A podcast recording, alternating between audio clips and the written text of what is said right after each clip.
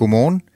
Du lytter til klip fra ugen, det øh, ugenlige opsamlingsprogram for Radio 4's daglige kulturprogram, Kreds. Og det er et program, hvor jeg har øh, valgt det bedste fra ugens udsendelser ud til dig, og derfor så skal det den næste times tid handle om en øh, boomende spilindustri, der ikke har nogen støttekroner. Det skal handle om irske Sally Rooney's nye bog, og så skal det selvfølgelig i dag handle om den 11. september. Mit navn det er øh, Mathias Wissing. Til daglig der er jeg journalist på Kreds, men her nu der holder jeg det kølige overblik over den her morgentime fra 5 til 6. Velkommen til.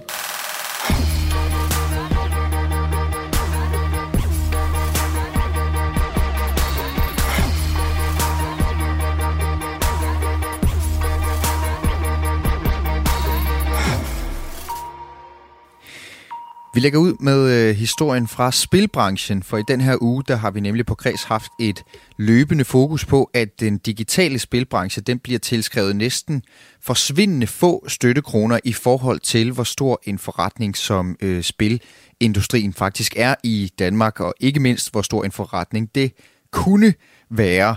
Men den sag, den er kompliceret, og derfor så fik vi øh, konsulent Jesper Krog Christiansen fra Vision Danmark, der er en slags klyngeorganisation for spilindustrien til at forklare os problematikken.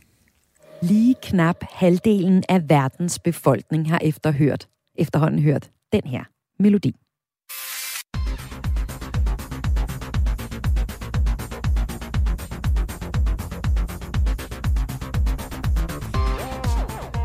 Med over 3 milliarder downloads tilhører den nemlig verdens mest downloadede mobilspil.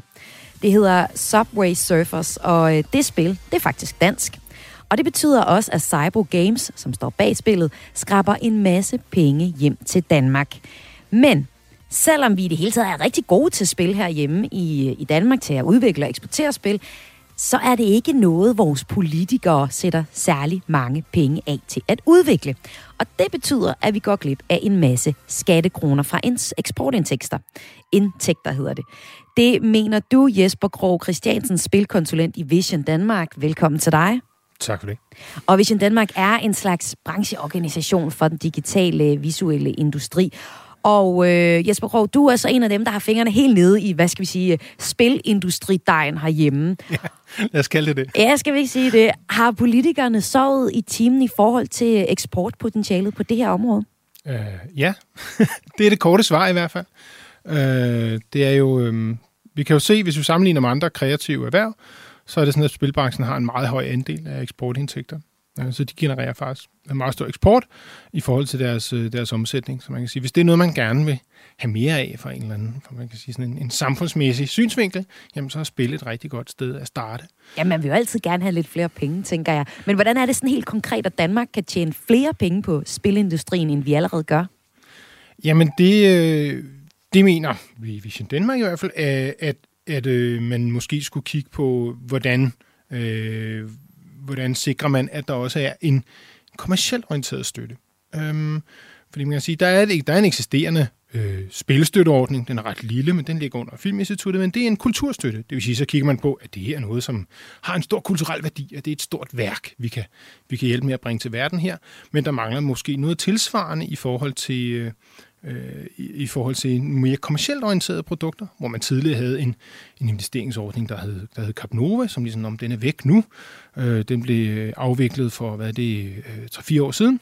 Øh, og så er der ligesom ikke kommet noget andet i stedet, som er spilspecifikt. Og det betyder, at der er ikke rigtig noget sted at gå hen, hvis du ligesom har et, et kommercielt levedygtigt øh, produkt, fordi at der heller ikke er særlig mange private øh, spilinvestorer i Danmark. Så er det først, når du er så stor, så du bliver begyndt at blive relevant for udlandet, at du kan gå derud og hente dine penge. Og ja, nu ser du, de ligger sammen med film. Ifølge filmaftalen fra 19 til 23, så er der 560 millioner kroner årligt til film, og 10 millioner kroner årligt til udvikling af digitale spil. Og det til trods for, at spilindustrien er en industri, som øh, vækster, særligt siden corona. En rapport fra revisionshuset PwC anslår, at spilindustrien vil vækste knap 6% om året frem til 2025. Så der er ikke nogen, altså, der er ikke nogen tvivl om, at der er, der er penge at hente her. Øhm, hvorfor, hvorfor tror du, at der er så få støttekroner til spilindustrien sammenlignet med for eksempel øh, film? Øh, jamen, jeg tror, det er fordi, at, at spil har en, har en ret lav øh, kulturpolitisk profil. I Danmark i hvert fald.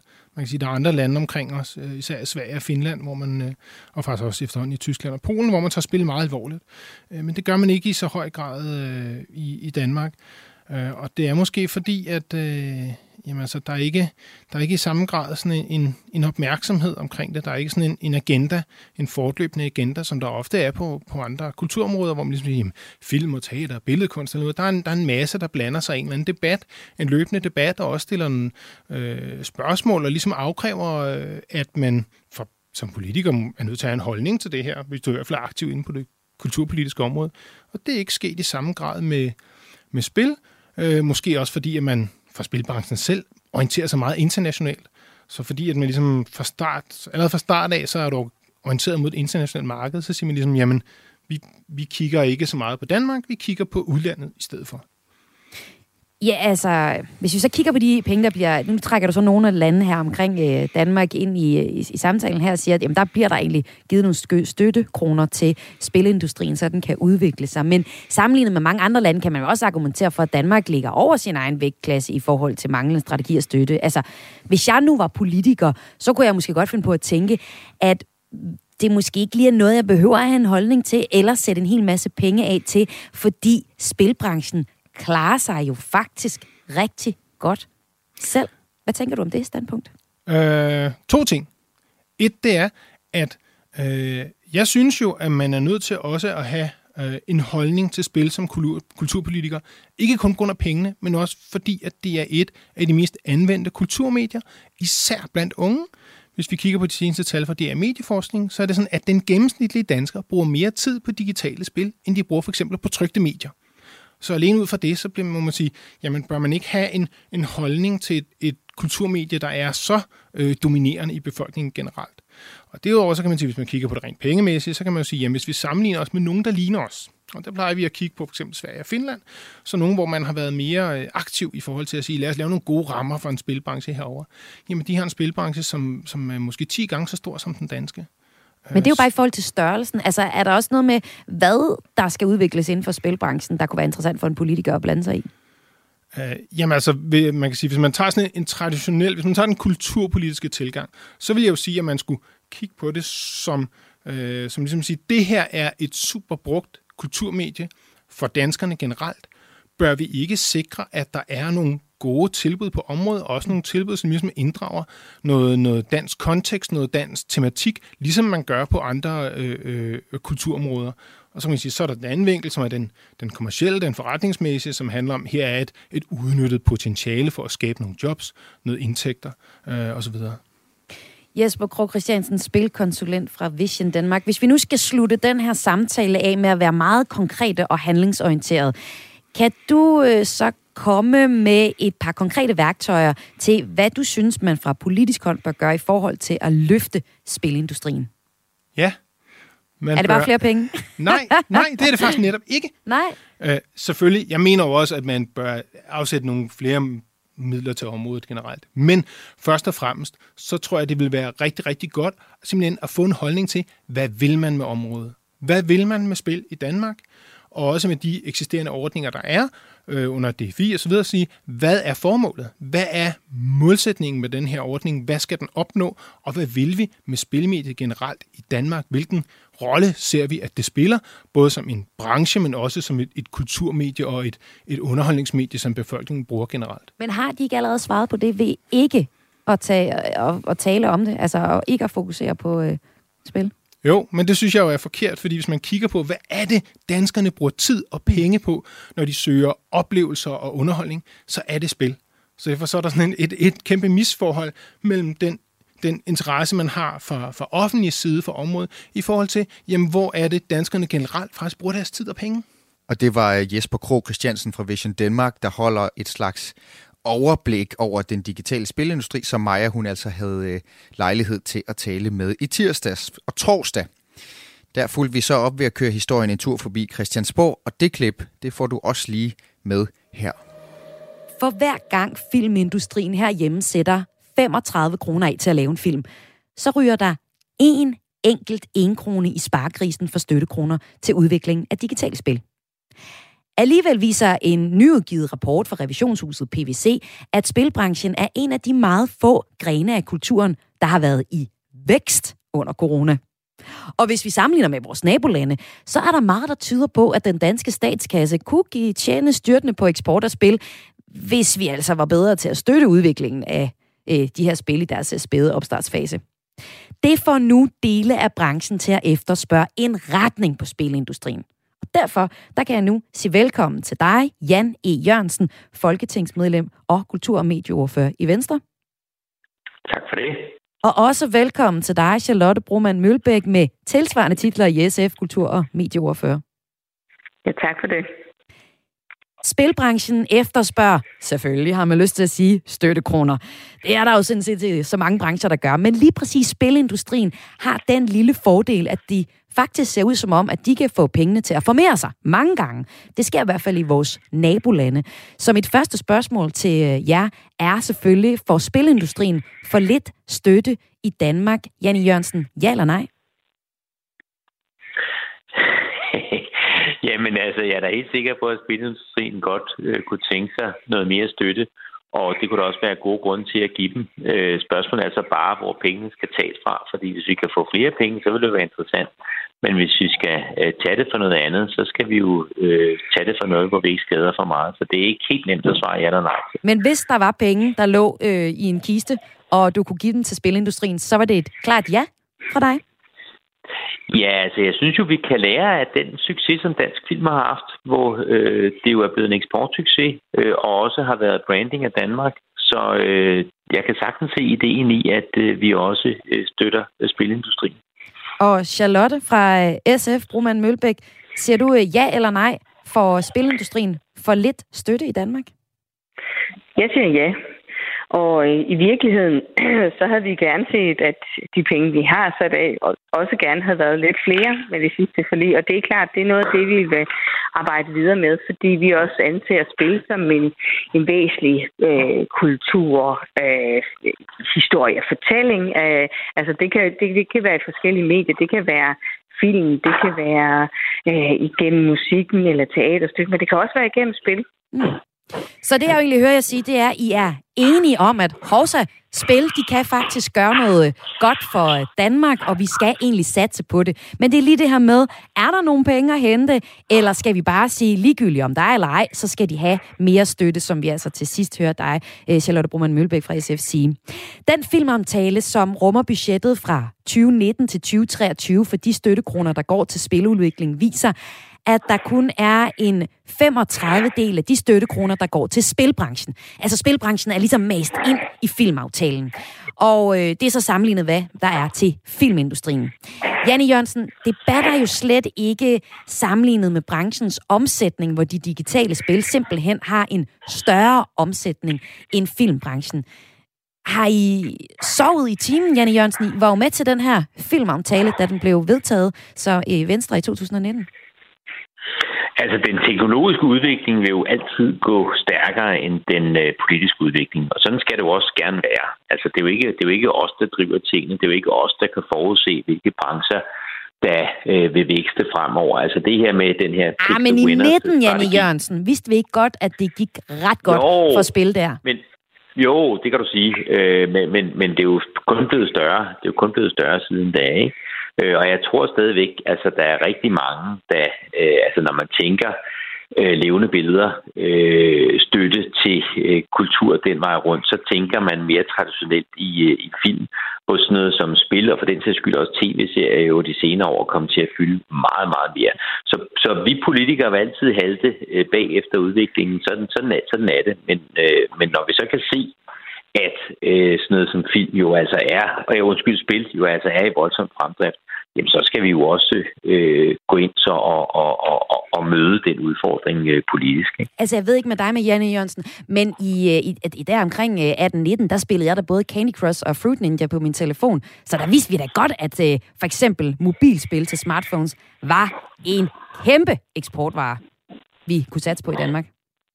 Jamen, det er jeg enig med dig i, men altså, tingene, tingene, går, tingene går nogle gange lidt langsomt i den politiske verden. Øh, og det er jo heller ikke sådan, at, øh, at altså, den til enhver tid siddende regering har jo desværre ikke et pengetræ stående hen ved Nationalbanken. Så, så hvis du så skulle sige, så skulle du så flytte nogle penge fra mm. film over til spil, hvad så med øh, en film som Druk, en film som Retfærdighedens Rytter, nogle af alle de der kæmpe store film, som øh, øh, jo er, er, er kommet til verden blandt andet på grund af den øh, støtte, som, øh, som vi har givet. Ikke? Øh, skulle man så have fjernet penge for det, det havde der jo nok også været en del, der havde syntes var en dårlig idé. Ikke? Charlotte Brumann Mølbæk øh, fra SF. Nu øh, slår jeg lidt på, at vi har godt vidst, at spil øh, var en succes i øh, nogle år. Men hvad siger du til det, Jan I. Jørgensen siger her med, at, at politik vil altid halte lidt bagefter? Altså, først skal vi se... Øh, Først skal vi se tendenserne i samfundet, og så kan vi reagere på det politisk set.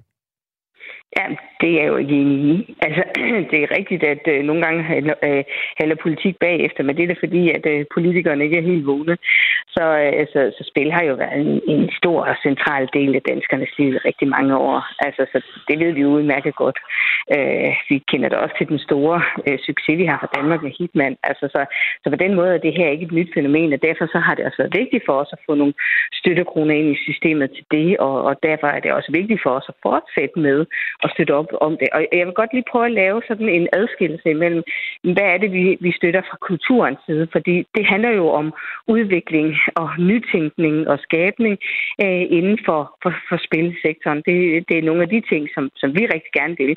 Hvis vi så snakker om den anden del, som, øh, hvor der bliver sagt, at man kan tjene en masse penge, der er eksportmuligheder i det, så er vi over at snakke erhvervspolitik, og der må man jo så overveje, om man synes erhvervspolitisk, om man vil give nogle øh, flere øh, puff i ryggen øh, øh, på, på at give et, et bestemt erhverv lidt mere øh, vind i, i sejlene, så at sige. Ikke? Men for mit vedkommende handler det jo om, hvis det vedkommende handler det jo om, at vi giver nogle gode øh, grundlagsmuligheder for netop, og også at kunne udvikle og fortælle historier i det medie, der så hedder spil. Og Charlotte, nu øh, laver du lidt en, en klassiker med at sige, at der er jo også andre ministerier og øh, andre ordfører, der måske skulle kigge lidt på spil. Fordi øh, Erhvervsministeriet kunne jo også tage spil under deres vinge og sige, øh, det, er en, øh, det er en virksomhed, eller de virksomheder, som vi skal støtte på de præmisser. Men nu holder vi det lige inden for kulturen. Og der kunne jeg jo have lyst til at spørge dig, altså, skal I politikere ikke bare have vinklet den her filmaftale, så der bliver tilført flere støttekroner til branchen, som så kommer igen og kommer alle de øvrige genrer inden for kulturen til gode? Altså, det er jo også det, jeg siger, vi gerne vil i SF. Mm. Når jeg laver den adskillelse, så er det faktisk ikke for at skyde den over til Erhvervsministeriet. Det er bare for at sige, at når vi snakker om kultur, så er det vigtigt, at vi ikke begynder at snakke en hel masse omkring eksport og skatteindtægter osv., fordi det forplumrer det, vi egentlig skal give støttekroner til. Ja. Når vi giver kultur støttekroner, så er det fordi, vi gerne vil have udviklet en kunstart eller en, en bestemt øh, udtryksform, et medie, og, og her i det her tilfælde er det spil. Og det, det er noget, vi gerne vil øh, udvikle på, og faktisk også finde nogle flere penge til. Ja, nu snakker vi penge, men øh, i tidligere på ugen, så talte jeg med øh, spilkonsulent i Vision Danmark, Jesper Gro Christiansen.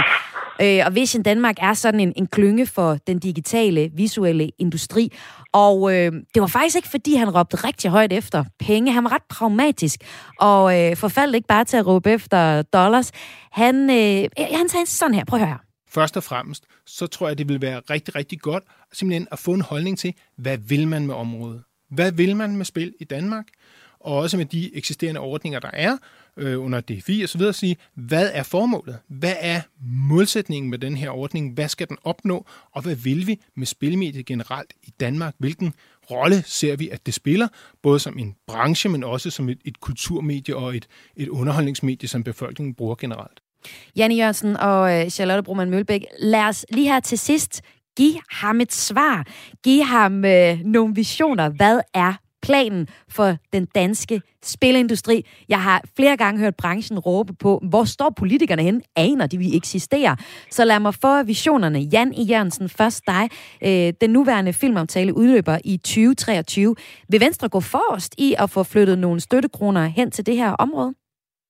Jamen ikke nødvendigvis flyttet, fordi så, så siger du, så vi skal tage noget, øh, eksempelvis for film, for at give det til spil. Det tror jeg ikke, jeg vil skrive under på, men hvis vi kan finde nogle flere penge til at løfte støtten til spilbranchen, så synes jeg, det vil være voldsomt interessant. Og så har Charlotte jo en pointe i det her med, altså en ting er eksportstøtte, erhvervsstøtte, og en anden ting er støtten til kunst og kultur. Øhm, altså, der er jo stor forskel på spil. Altså, nogle spil er jo øh, lige så øh, fin og glimrende øh, kultur og kunst som øh, nogle af de bedste film, øh, og andre er så ikke. Men eksportkronerne er jo lige gode, enten det er det ene eller det andet. Ikke? Så, øh, så det er noget mere få tingene tænkt sammen. Både kigge i eksportfremmestøtteordninger osv., og så kigge i, hvad så kunst og kultur, hvad vi gerne støtte øh, den vej rundt. Ikke? Okay, så øh, dig, Charlotte Brumann Mølbæk.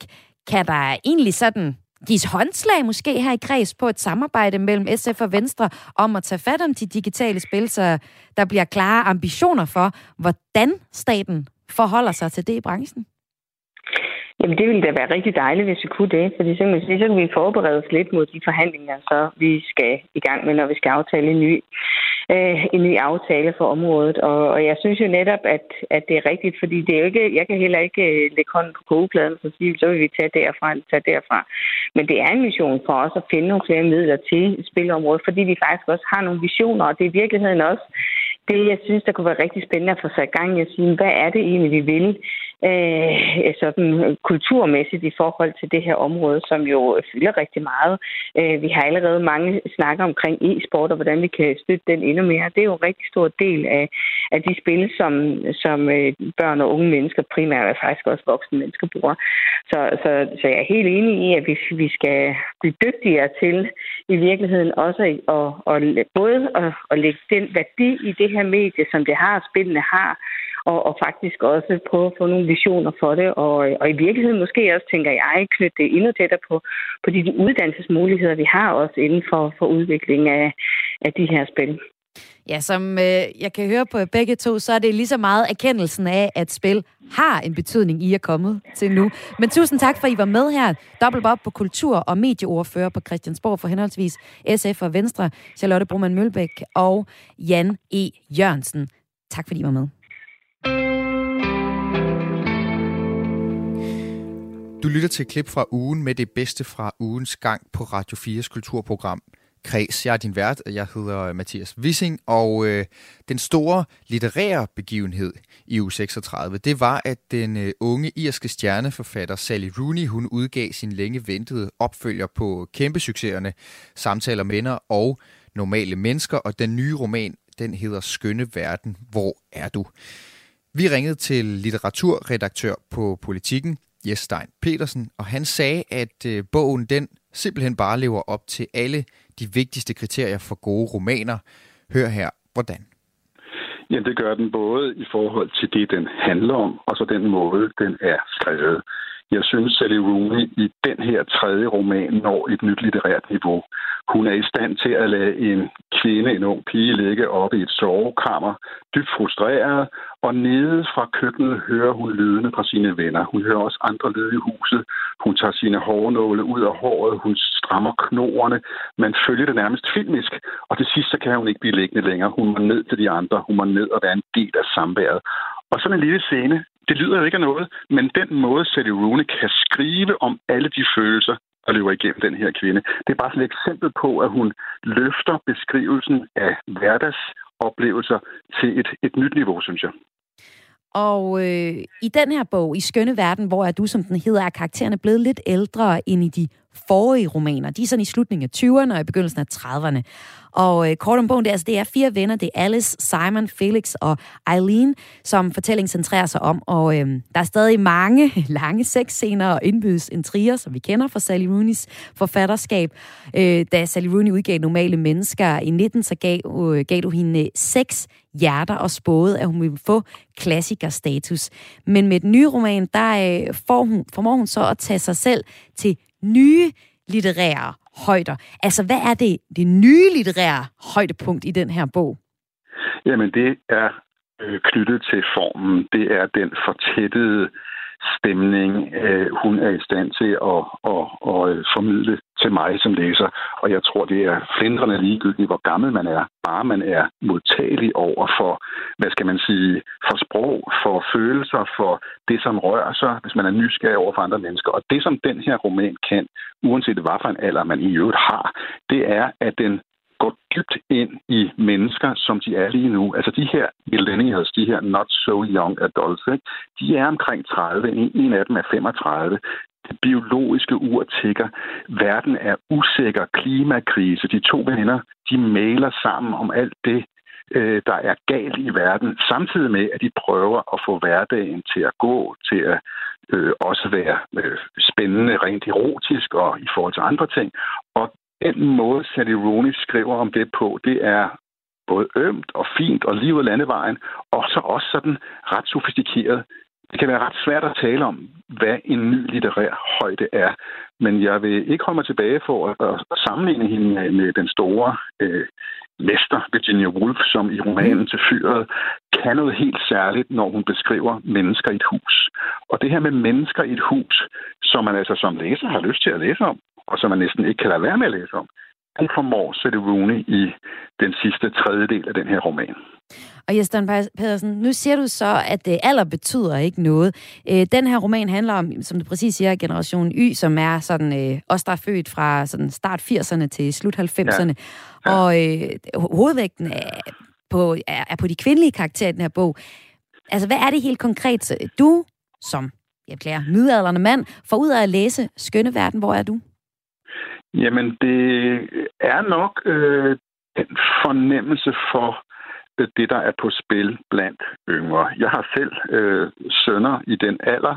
Jeg øh, kommer ind på indersiden af de her personer. Jeg fornemmer den anstrengelse, de hele tiden udfolder for ligesom at få fat i det gode liv, for at klare, at de ved lidt for meget om verden. Altså, da jeg var yngre, jamen, der var måske en trussel om atomkrig, og den kunne man læse om i aviserne.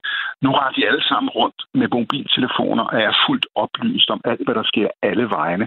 Og man kan mærke også i den her bog, at hun har, Sally Rooney, en særlig og helt fantastisk evne til at lade øh, det digitale øh, incognito-vinduer, hvor folk i skjul ser porno, øh, WhatsApp-meddelelser. Man kan følge sin kæreste på vej som en blå prik i den her taxa-app. Øh, man får beskeder hele tiden. Det er ikke noget med, at du føler, når nu står de ellers lige og snakker, og så kommer der en sms. Nej, i den her bog, der er sms'erne og alt det digitale, det er helt naturlige elementer, fordi sådan er vores liv. Og det synes jeg, at man kan læse om, uanset hvilken alder man har. Og så kan man jo måske også tænke over den måde, man måske selv stadigvæk hold dig nu fast, synes, at man, man, man har et indre ungt menneske i sig. Ja. Altså, der er jo et eller andet tidløst i, i alle mennesker, uanset hvad for en alder de har rent biologisk.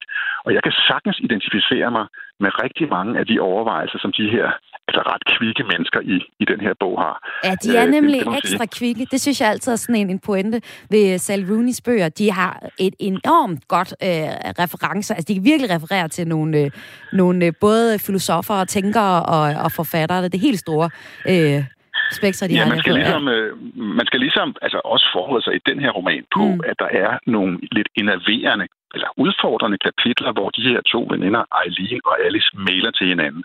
Og der skal jeg love for, at fremmedordene står i kø. Mm. Men det, der står på siderne, det de bruger fremmedordene til, det er det samme som vores tids, jeg vil ikke sige filosofer, men lad os bare sige sådan intellektuelle debatter. Det er det intellektuelle udvekslinger, de har. Og jeg kan godt lide, at man i en roman både kan læse om indsmigerne, sjov telefonsex mellem Eileen og kæresten Simon, og så bagefter læse, hvad hun i øvrigt mener om øh, marxismens største fortolkningsproblemer. Og jeg tænker vel også, ja, og jeg tænker vel også, det er netop der, at hun løfter sig fra ikke bare at være young adult eller chicklet. Altså, der er nogle, hvad skal man sige, på... Øh, litteraturprofessor af sprog, nogle vitaminer i den her bog også. Ikke? Og så siger du også, at de skriver jo så øh, blandt andet om marxisme. Altså, vi kan ikke komme udenom, at Sally Rooney i den her tredje roman er blevet mere politisk, end hun har været i de tidlige, øh, tidligere bøger. Der er sådan en helt spor i romanen. Der er en mailkorrespondence, som du fortæller om her, mellem øh, veninderne af Alice og Eileen, der handler om alt fra ulighed mellem befolkningsgrupper til verdens overproduktion og forbrug. Og det står klart, at de er marxister, noget de ligesom fortæller om. Ja. Hvad, hvad og, mener og, du, det og, gør ved, ved Sally Rooney's forfatterskab, at hun giver sine karakterer så markant en, en politisk overbevisning nu? Jamen, sagen er så også den, at de kan sagtens være uenige, og jeg synes ikke, det fylder det hele. Der er ligesom, der er ligesom to spor i den her roman. Der er alt det, der handler om følelser, erotik, og hvordan unge mennesker i den der alder også prøver sig lidt frem med nye kærester. Alice har lige mødt lagerarbejderen Felix øh, på Tinder. Hun siger til ham efter, øh, du ved, få minutter, vil du ikke med til Rom? Jeg skal til litteraturfestival. Og den her lagerarbejder tager med og kigger målløs på den der mærkelige verden af, af litterater. Mm. Og Eileen, hun øh, prøver at få sin Simon, barndomskæresten, på krogen. Det er, det er det ene spor. Og det andet spor, det du lige nævnte, Maja, det her med, med det politiske. Og der synes jeg, det er enormt fedt, at Sally Rooney ikke fremstår som sådan en frelst universitetsmarxist, som ligesom tænker meget øh, moraliserende. Mm. Det her, det er det modsatte af moralisme. Det her er det modsatte af den der tænkning, hvor man sådan bare rask væk inddeler folk i offergrupper og i undertrykkergrupper, og så forsvinder alle nuancerne. Det her er også i forhold til sex en påpegning af, hvor uregerligt det her med løsterne og begæret er. Ingen ønsker overgreb. Alle synes, mange synes, jeg synes, at MeToo er et kæmpe fremskridt. Men i den her roman peger man så alligevel samtidig på, at det gør jo Sadie Rooney, at det her med sex er et spil.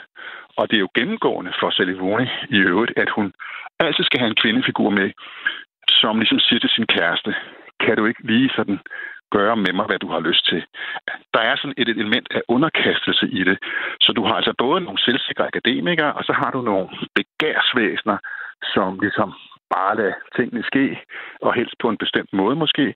Og så har du øh, en ømhed og en, en, en indlevelse i, i øh, hvordan det egentlig er at være ung lige nu, hvor de jo altså faktisk mener, at man måske ikke skal sætte børn i verden, fordi altså står kloden stadigvæk ja. øh, om få generationer. Ikke? Jeg synes, det ah. hele er, er rigtig, rigtig flot og sådan øh, smukt skrevet.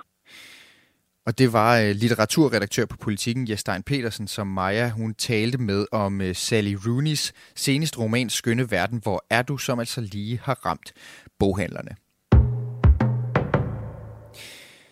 I dag er det den 11. september, og det er derfor i dag præcis 20 år siden, at øh, en af de vigtigste og voldsomste begivenheder i nyere verdenshistorie indtraf, da to Boeing 767 fly fløj ind i tvillingetårnene ved World Trade Center på det sydlige Manhattan i New York.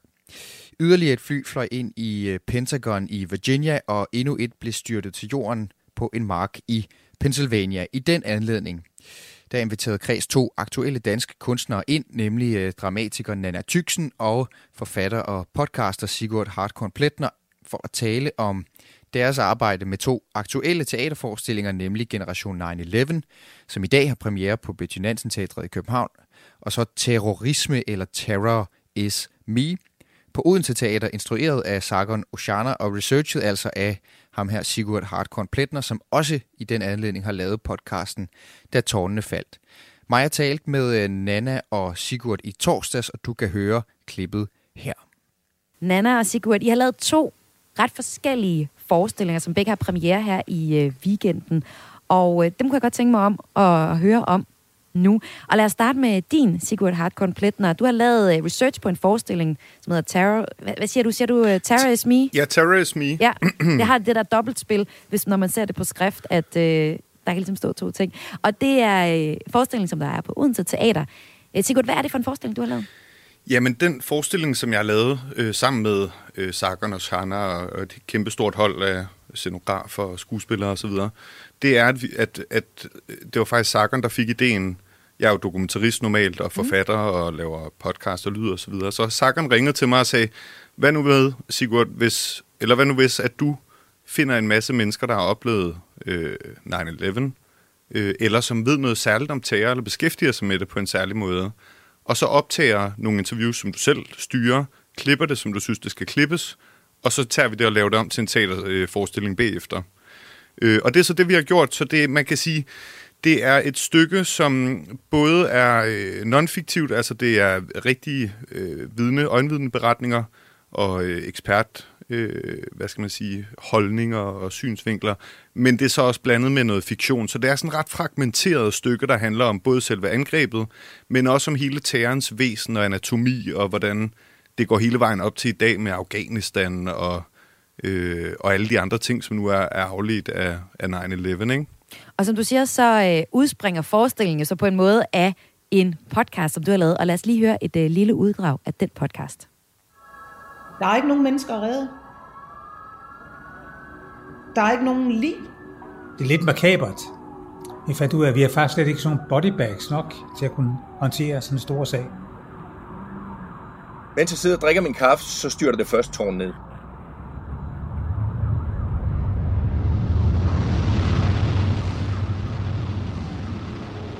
When the building fell, that was the most beautiful of all, and the most beautiful sound. It was beautiful. In the early evening, you did get the sense that you were smelling, you know, potentially human flesh being burnt. Og det var så øh, lidt fra din podcast, øh, Sigurd. Hvad gjorde du af tanker om netop at, at lave den på den her måde? Jeg vil lige tilføje, at den hedder Da tårnene faldt, altså podcasten, hvis man da har lyst til at høre den. faldt. Ja, ja. præcis. Ja. Jamen altså, hvad jeg gjorde mig om... Altså, det, med at sige, det er jo... Øh... Det der med, at det blev meget øh, et, et, et faktaborn, altså hvor du godt kunne tænke dig at få folk, der havde oplevet noget, eller ekspertkilder på den. Ja, Altså, man siger, selve podcastserien og stykket er lidt to forskellige ting. Man siger, vi har lavet to værker ud af samme grundmateriale, ikke? Mm.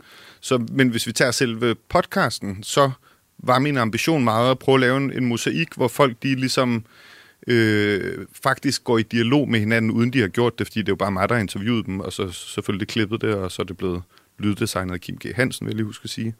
Øh, men, men det jeg ville, det var, at jeg ville prøve at skabe et billede, som, som stak i forskellige retninger, fordi det gør 9-11 jo, og det gør de 20 år, der er gået siden, og det gør, altså, øh, der, altså, det kan fortolkes på så mange måder, så det var vigtigt for mig, at det ikke bare blev nogen, der ligesom var helt enige og sådan, åh ja, terror, terrorisme er noget lort, og det er også noget lort, vi gik ind i Afghanistan. Men at, at jeg ligesom prøvede at brede det mere ud, så er jeg jo også en tidligere efterretningschef med fra PET. Jeg mm. har øh, en mellemøstkorrespondent med. Jeg har altså nogle folk, som har meget forskellige syn på det hele, og har, har oplevet det og beskæftiget sig med terror på nogle meget forskellige måder. Øh, så det, jeg, det, jeg ville, det var, jeg tror, jeg ville prøve at øh, i tale sætte den fremkaldervæske, som 9-11 jo på en eller anden måde har været. Ikke? Altså, den har fremkaldt nogle ting i vores samfund og i os selv som mennesker. Det er jo det, er jo det terroren gør på godt og ondt. Altså, vi hjælper hinanden, men vi kan man måske også argumentere for, øh, afmontere også lidt af vores retssikkerhed. Og, altså, det, det, det bliver en fremkaldervæske, og, og det har jeg så prøvet at vise med, øh, med podcasten. Og det har du gjort ved at, at netop tage fat i de nogle meget faktuelle øh, ja, oplevelser fra folk, ikke? Og, og fremkalde de følelser, som de har fået ud fra, nu hvis vi bliver fremkalder øh, øh, jargonen i de følelser, der, der, er, der er kommet ud fra det. Og det er så ligesom været jeres tilgang til det på Odense Teater. Så er der øh, dig, Nana Tyksen. Du har haft en lidt anden tilgang til det. Øhm, den forestilling, du har skrevet, den hedder Generation 9-11. Den handler om en pige, der hedder Esther, der bor i USA på tidspunktet for 9-11. Og hun minder lidt om dig, men det er ikke en helt selvbiografisk forestilling. Hvad er det for en forestilling, som publikum kan opleve øh, i øh, Generation 9-11, Nana? Jamen, det er en forestilling om at blive, øh, øh, at blive voksen i en barnlig verden. Øh, og den handler om de her tre børn, og det er en fiktiv fortælling, men den trækker selvfølgelig på et eller andet form for emotionel gods, jeg har med. Øh, og alle forældrene, alle øh, de voksne, er nogle øh, papmaché-figurer, der øh, siger sådan lidt øh, klichéagtige ting, blandet med meget alvorlige ting omkring øh, Al-Qaida og Guantanamo. Øh, og, øh, og så skal de her børn ligesom øh, prøve at blive og fylde 12 og fylde 13 i den her meget seriøse verden, som stadig blander sig lidt med noget magisk realistisk. Øh, ja. Og vil du ikke prøve at læse, du har tekstuddrag med, vil du ikke prøve at læse øh, lidt op fra det, så vi også får en fornemmelse af, hvad det er? der jo. bliver sagt i stykket? Jo, jeg tager lige min fortællerstemme på. Og så, øh, så vil jeg også lige huske at sige, at det her det er altså ikke mine forældre. Det er, øh, det er nogle øh, papmaché-figurer, som sagt. Either you're with us or against us, sagde Bush. Men det er svært, når ens forældre insisterer på nissehuer og på at holde det åbne demokrati åbent. Hører du, hvad jeg siger, mor? Men mor hører intet. Hun er i gang med at støvsuge. Hun er vokset sammen med den danske nilfisk på vores villavej i New York. Er det her din, spørger hun og peger på noget fnuller. Mor, jeg vil gerne hænge det amerikanske flag foran huset, ligesom alle andre. Skat, vi er ikke amerikanere, siger hun og piller lidt ved min t-shirt. Hvis hun kunne, ville hun støvsuge den. Lad være med at sige sådan noget, råber jeg. Jamen, det er vi altså ikke. Men hvorfor skal du være så ond? Vi kommer bare her og bor i deres land og bruger deres hus og går i deres skole, og I har ingen som helst interesse i at integrere jer bare en lille bitte smule. Mor kigger på mig, som var jeg 11 år gammel. Jeg er altså 12. Slukker for maskinen, og så siger hun roligt. nu er det jo simpelthen ikke lige sådan, at verden hænger sammen, skat. Vi er udstationeret, og så tager vi hjem igen. Åh, I gør det så svært for mig, råber jeg. Fatter I det? Jeg prøver bare at være til her. Til hvad? Hjælp. For jeg er rimelig presset i øjeblikket, så hvis du gad give en hånd med en gang imellem, ville det være rigtig dejligt. At handler ikke om dig, vel? Mor gør sig klar til en FN-forhandling. Jeg siger, jeg vil have flaget op. Nej, jeg vil have flaget op. Det bliver ikke på verandaen. Jeg vil have flaget op. Jamen, så må du fandme gøre det på dit eget territorium, råber mor tilbage og tænder støvsugeren igen. Jeg forvandler mit værelse til et nationalt mausoleum med et 3x4 meter stort flag med stjerner og striber, der dækker alle vinduer. Når vores amerikanske naboer kører forbi, dytter de i vilden sky og råber Honk for America, just honk it, honk it. Honk for America, dyt for USA. Sådan. Er det nice. Super. Tusind tak for øh, den oplæsning. Altså dig, der lyttede med. Øh, det, du fik her, det øh, var Nana Tyksen, der læste lidt op fra Generation 9-11, øh, et stykke, som man kan se på Betty Nansens Teater i, øh, i København her fra weekenden. Og øh, jeg kunne tænke mig at høre jer om jeres tanker om, hvordan I forskelligt er gået til den her opgave. Og nu hørte jeg jo lidt før øh, dig, Sigurd, der med, at det var vigtigt for dig at få nogle forskellige stemmer, der øh, har, øh, har et forhold til øh, 9-11, men også få dem til at tale sammen. Men altså i hvert fald at tage fat i begivenhedernes gang. Og du har jo så været, skal man sige, mere øh, øh, øh, frit fortolket med, hvad skal man sige, øh, taget fat i den rigtige historie, men jo øh, lavet en, øh, en historie ud fra det. Øh, Nana, hvad har du gjort dig af tanker om at gøre det på den måde?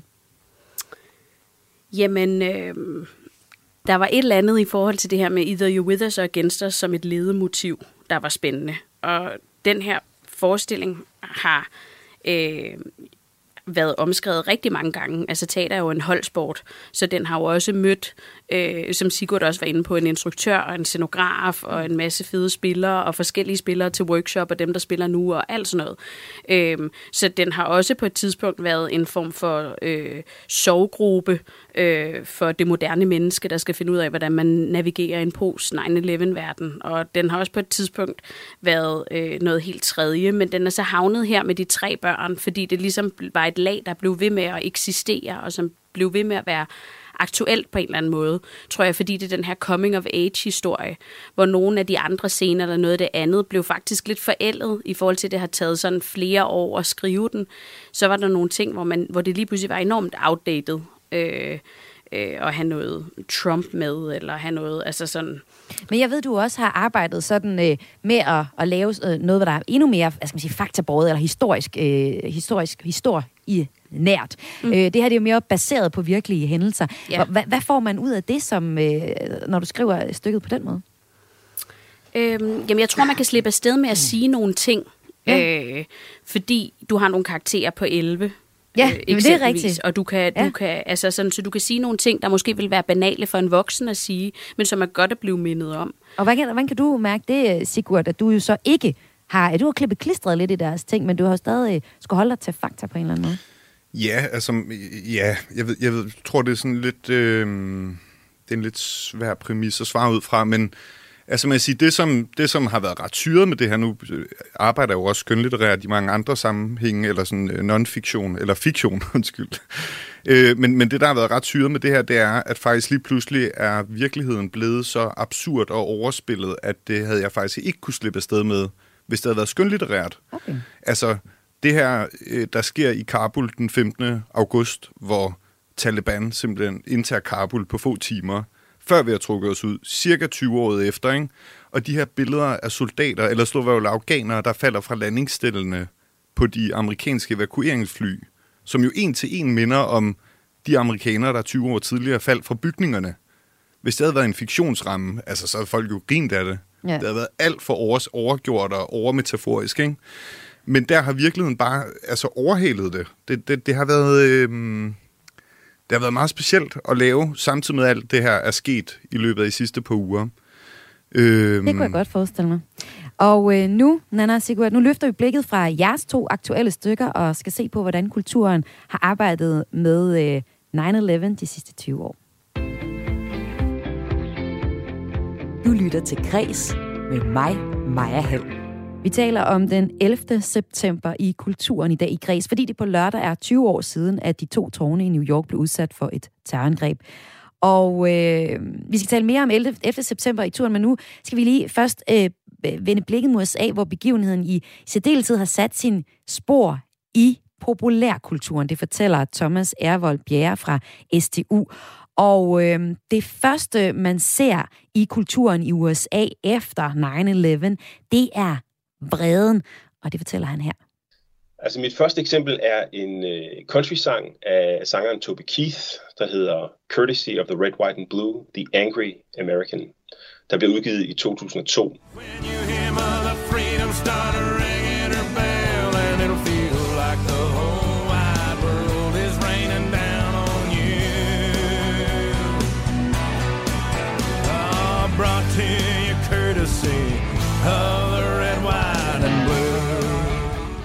Toby Keith øh, var dengang øh, sådan en af countrymusikkens øh, selvudnævnte bad boys, øh, der sang om Gud og fædrelandet og kvinder og whisky.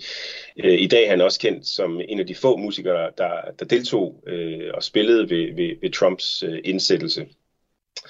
Men, men øh, Toby Keith øh, skrev den her sang øh, som sådan groft oversat kan betyde øh, med venlig hilsen øh, de røde, hvide og blå, og så den vrede amerikaner. Han sætter ord på, på den vrede, som, som, som rigtig, rigtig mange amerikanere jo øh, gik rundt med i, øh, i månederne øh, efter. Så det var en sang, der mange sådan, konservative på højrefløjen tog, tog til sig, og selvfølgelig også mange soldater. Øh, en af de første tanks, der kørte ind i Bagdad, havde sangens titel øh, skrevet på siden, og den blev også skrevet på, på flere af de bomber, der blev, der blev øh, sendt afsted over øh, blandt andet øh, øh, Irak. Fortalte her Thomas Ervold Bjerre fra STU, hvor han arbejder i øh, og forsker i amerikansk øh, populærkultur. Og med mig her i studiet har jeg stadig to, der arbejder på øh, stykker, der netop handler om 9-11. Og jeg kunne tænke mig at høre dig først, Nana Tyksen. Øh, det her det er jo et eksempel på vreden, der kommer til udtryk i et nummer med det samme. Æh, den vrede, den, den beskriver du jo egentlig i starten af vores snak her, også som noget, du oplevede. Altså, det var helt klart... Øh noget, der var meget præsent i byen, men der var også en stor fællesskabsfølelse. Altså øh, samme dag, som angrebet skete, der øh, husker jeg det som om, vi var meget... Det sjove er, at jeg husker ikke nogen voksne, jeg husker kun børnene, men der har jo selvfølgelig været en masse voksne omkring os, tænker jeg. Men øh, at vi øh, drøbbede sterin øh, ude på fortorvet. Øh, det stod så amerikanske flag på fortorvet med lys, og vi havde skilte, hvor der netop stod Honk for America, og vi øh, krammede og pakkede kasser og gik forbi de huse, hvor der var nogen, hvis forældre ikke var kommet hjem, hvor der ligesom var hvor man sad og ventede simpelthen for, for at høre, om man telefonlinjerne var jo nede, man kunne ikke komme med togene og sådan noget. Så det kunne jo godt være, at de ville dukke op senere. Og Sigurd øh, Hartkorn Pletner, nu øh, var det noget af det første, der kom ud, det var, det var øh, eksemplet her, øh, som øh, vi, vi får præsenteret her, Thomas, det var, det var vreden og nationalisme, national følelse ud over det hele. Hvordan gør øh, det materiale sig egentlig, når man skal øh, lave, producere for eksempel skønlitterær øh, kultur, som du øh, har været har gør dig i, og også i forbindelse med øh, for eksempel teater, som du har bidraget til her senest? Jeg tror ikke helt, jeg forstår øh, dit spørgsmål faktisk. Men vrede, hvad er det ja. for en øh, ting at arbejde med kulturelt set, når du producerer kultur? Øh, jamen, altså, det er jo en, en vred ting. Jeg, jeg ved ikke helt, hvad, hvad jeg skal svare på det, men man kan sige, det der, det der har været spændende at, øh, at arbejde med og det, i forhold til, til vreden, det har været det her med, at jeg faktisk har oplevet med de folk, som jeg har med i både podcasten og i stykket, som var i New York, da det skete, at når jeg spørger dem ind til, hvordan var stemningen i byen i ugerne, ugerne efter, så det, de svarer, det er egentlig den grundfølelse, de selv har haft. Så hvor en han siger, at den var sindssygt vred, og jeg havde bare lyst til at slå ihjel. Det er det, han oplever. Så er der en anden, der siger, prøv at der var bare sammenhold og kærlighed, og vi lå bare knaldet natten lang. Ikke? Så, så jeg synes, det har været interessant at opleve, at, at folk har ligesom Og det er jo meget banalt. Selvfølgelig har vi det sådan som mennesker, og sådan har vi det jo også, hvis vi har en dårlig dag, så synes vi alle ser sure ud, ikke?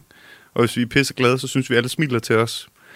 Øhm, det var så vreden, øh, som den ene eksempel, som øh, Thomas Ervold Bjerre øh, fremhæver som noget, der kunne ses i populærkulturen lige efter 9-11.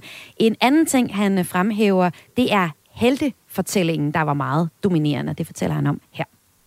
Mit andet eksempel er øh, Oliver Stone-filmen World Trade Center fra 2006. Det er, det er en af de få øh, Hollywood-film, der handler om selve dagen.